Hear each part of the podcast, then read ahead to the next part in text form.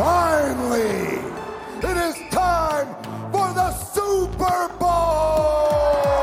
Oh ja, de 58ste Super Bowl is het evenement van het weekend. De San Francisco 49ers tegen de Kansas City Chiefs. Dezelfde affiche als in 2020. De 49ers kunnen zich naast de Patriots en de Steelers hijsen met het meeste aantal eindzegers ooit. De Chiefs kunnen dan weer hun titel van vorig jaar verlengen. Er zijn heel wat interessante topics te behandelen, maar ook de impact van iemand naast het veld. It's me.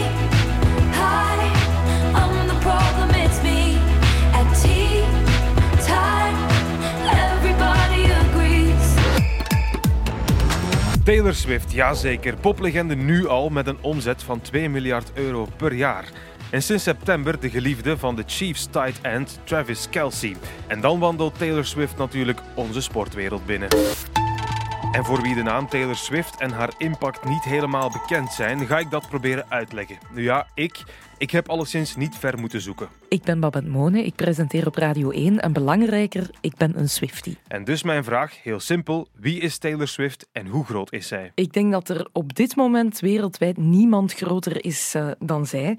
Kijk alleen al naar de ticketverkoop voor haar laatste tournee. Dat was een soort van Hunger Games over de hele wereld. Iedereen wou daarbij zijn. En dat zie je ook in de cijfers, want het is de muzikale tournee die het meest heeft opgebracht in de hele muziekgeschiedenis. Een miljard dollar, alsjeblieft. Ook haar eh, albumverkoop, die is gigantisch.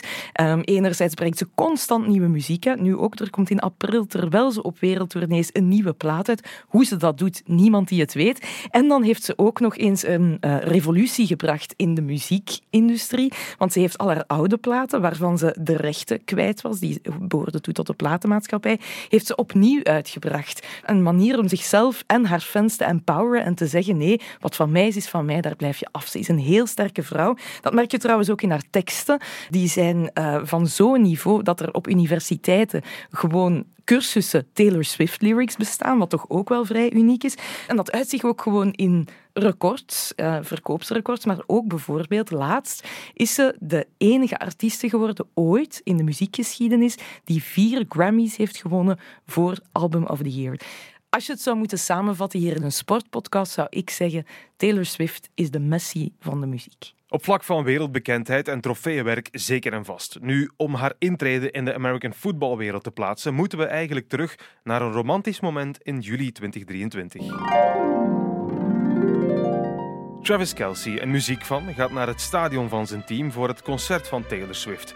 Uiteraard voor het concert zelf, maar hij had nog een extra doel in de vorm van een armbandje. In een podcast met zijn broer vertelt hij over zijn bijbedoelingen. Speaking of Taylor Swift, I know you went to the Taylor Swift concert. How was it? Yeah, well, I was disappointed that she doesn't talk before or after her shows because she has to save her voice for the 44 songs that she sings. So I was a little butthurt I didn't get to hand her one of the bracelets I made for her. You made her a bracelet? Yeah, if you're up on uh, Taylor Swift concerts, there are friendship bracelets, and I received a bunch of them being there, but I wanted to give Taylor Swift one with my number on it. Your number's in 87 or your phone number? You know which one. Er kwam dus geen ontmoeting, maar Taylor was blijkbaar toch gecharmeerd. En een zomer gaat voorbij en in september spotten sommige kijkers de popster bij de wedstrijd van de Chiefs en de Chicago Bears. Ook Nederlands SPN-commentator Ronald Buis. Ja, ik kan me dat toch uh, goed herinneren, want het was uh, best wel een verrassing. Uh, maar het was september, afgelopen seizoen, dat zij voor het eerst haar op, optreden deed in een NFL-stadion. Als partner van Travis Kelsey, de tight end van de Kansas City Chiefs. En uiteindelijk uh, heeft ze dus twaalf uh, wedstrijden bezocht. En uh, is de Super Bowl, als ze het redt, want ze zit in Tokio, wordt haar dertiende wedstrijd van het seizoen. Ja, ondertussen is ze niet meer weg te denken van de Chiefs-wedstrijden, met alle gevolgen van dien. Ik belde ook met Hans van der Loo. Hij schreef een boek over hoe Swift haar imperium heeft uitgebouwd.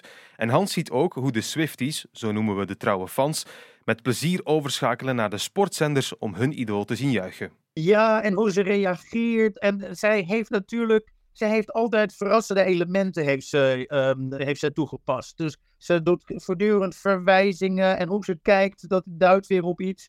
Dus dat zit erg in haar. Al die Swifties houden zich daar de hele dag mee bezig. Wat heeft ze aan vandaag? Hoe kijkt ze? Uh, wat is haar oogschaduw? En dat heeft zich nu ineens ook naar die, uh, naar die NFL uh, voetbalwedstrijden getransporteerd. En, en ja, en op dit moment, ik heb wat eh, de Amerikaanse media gevolgd de afgelopen dagen.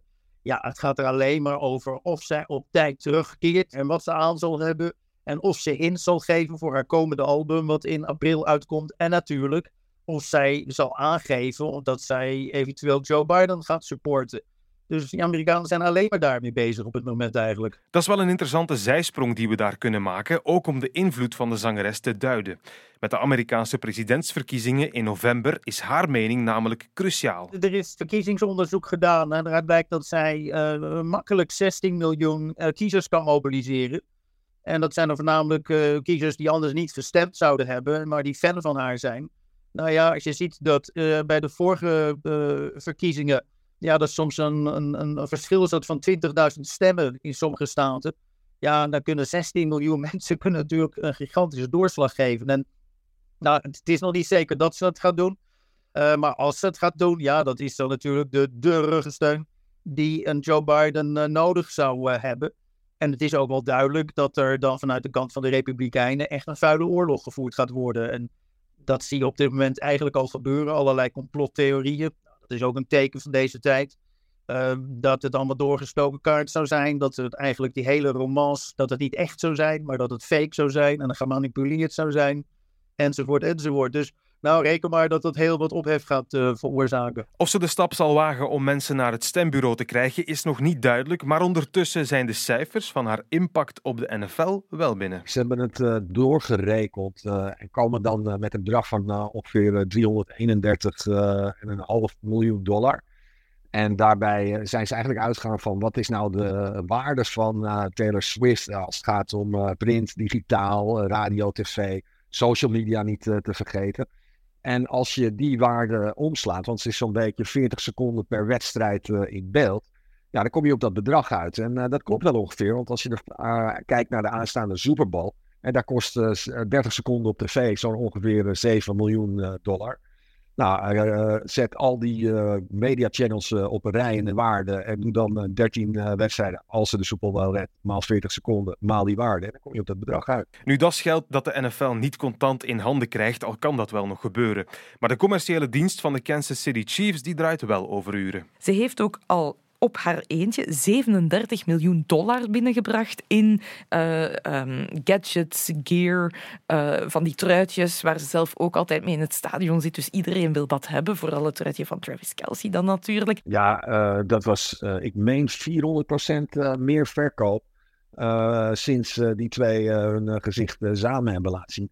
Dus wat dat betreft is uh, Taylor wel een uh, moneymaker. In ticketsverkoop, al die zaken, zij zorgt ervoor dat de Kansas City Chiefs op dit moment gouden zaken doen en dat er allicht nog meer volk naar de Super Bowl gaat kijken. Want kijk je niet voor de sport, kijk je ook niet voor de halftime show van Usher, dan kan je nu ook kijken om te zien of TT in het stadion zit en of, en dat wordt gefluisterd, ze misschien zelfs ten huwelijk gevraagd zal worden door haar uh,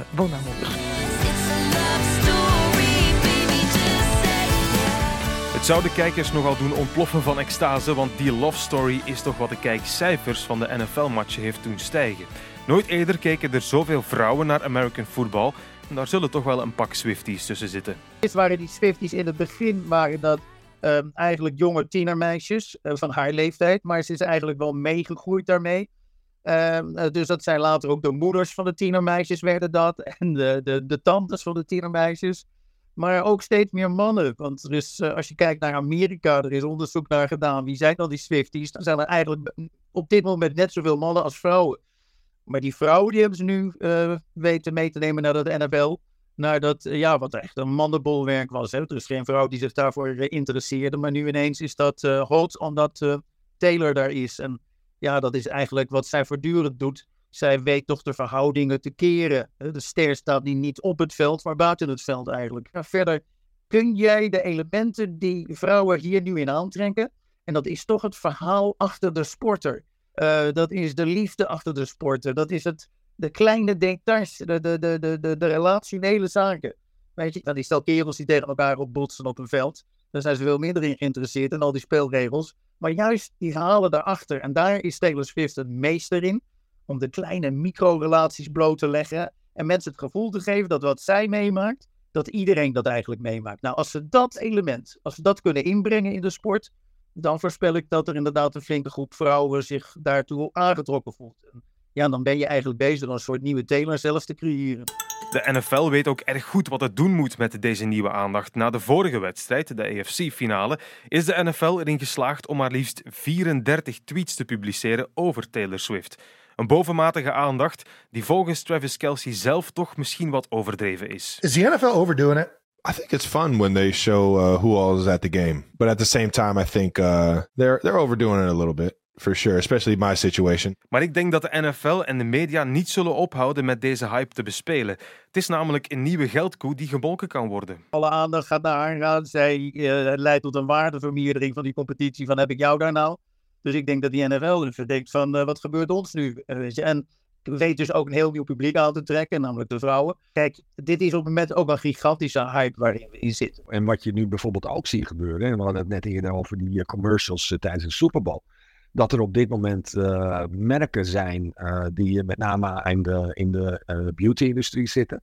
Die overwegen of al ingekocht hebben tijdens de Super Bowl. Omdat ze weten dat eh, die 40 seconden die we eerder elke wedstrijd het seizoen hebben, eh, misschien wel in veelvoud eh, ook deze wedstrijd weer aan bod komt. Het is een soort zelfversterkend effect. Dat is vorig jaar begonnen met die concerttour. En dat gaat maar door en dat gaat maar door. En het wordt steeds groter. Maar er komt ook een moment dat het weet zijn drommels goed. Dat ergens die ballon ook klapt. Dus dat kan, niet maar, dat kan niet altijd zo doorgaan. En dat is al eerder in haar carrière gebeurd. In 2016, toen zat, ze ook op een eenzaam niveau. Niet zo hoog als nu. Maar was ze toch wel heel bekend, zeker in de popmuziek. Toen heeft ze ook weerstand heeft ze gekregen. Het ging minder goed. Toen ze gewoon een jaar lang eigenlijk hebben ze wat teruggetrokken. En toen heeft ze weer een comeback gemaakt. En ik achter niet uitgesloten dat ze dat weer gaat doen.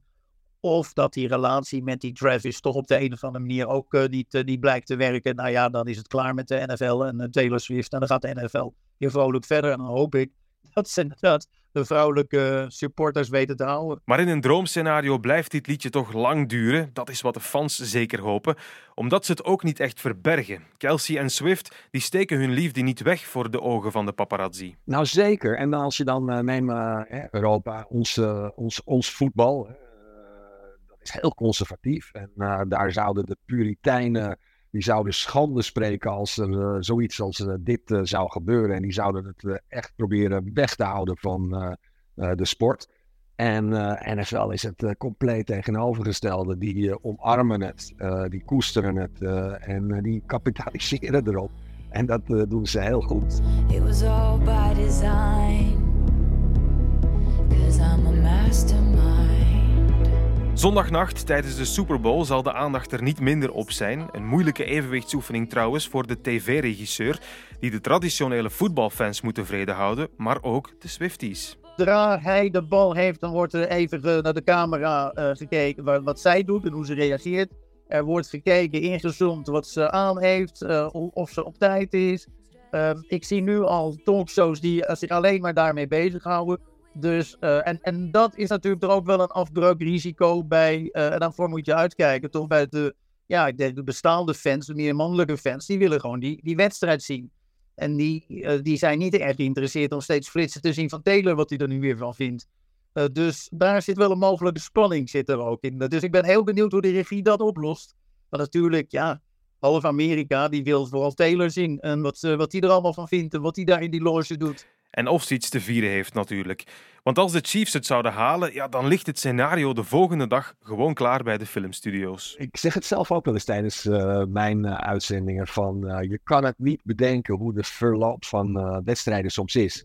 de, de, NFL staat bekend om het feit dat er competitive balance is. Hè? Een mooi woord voor Iedereen kan van elkaar winnen op elke zondag. Hè? Dat heeft met name ook te maken met het draft systeem, slechtste teams, beste spelers, uh, iedereen een salary cap. Dus je krijgt een nivellering in de competitie, waardoor uh, iedereen aan elkaar gewaagd is. Maar af en toe is het uh, verloop van een wedstrijd zo verrassend dat je het bijna niet kan bedenken. En dat voedt natuurlijk De hele discussie over is het uh, gescript en dan komt dit er als een soort slagroom uh, op de taart bovenop. We zullen sowieso een ongemeen spannende Super Bowl te zien krijgen. De gokkantoren kunnen moeilijk kiezen, maar de voorkeur ligt blijkbaar toch nipt bij de San Francisco 49ers. Of worden toch de Chiefs van Travis Kelsey? Het is heel moeilijk te voorspellen en u zal moeten kijken om het te ontdekken.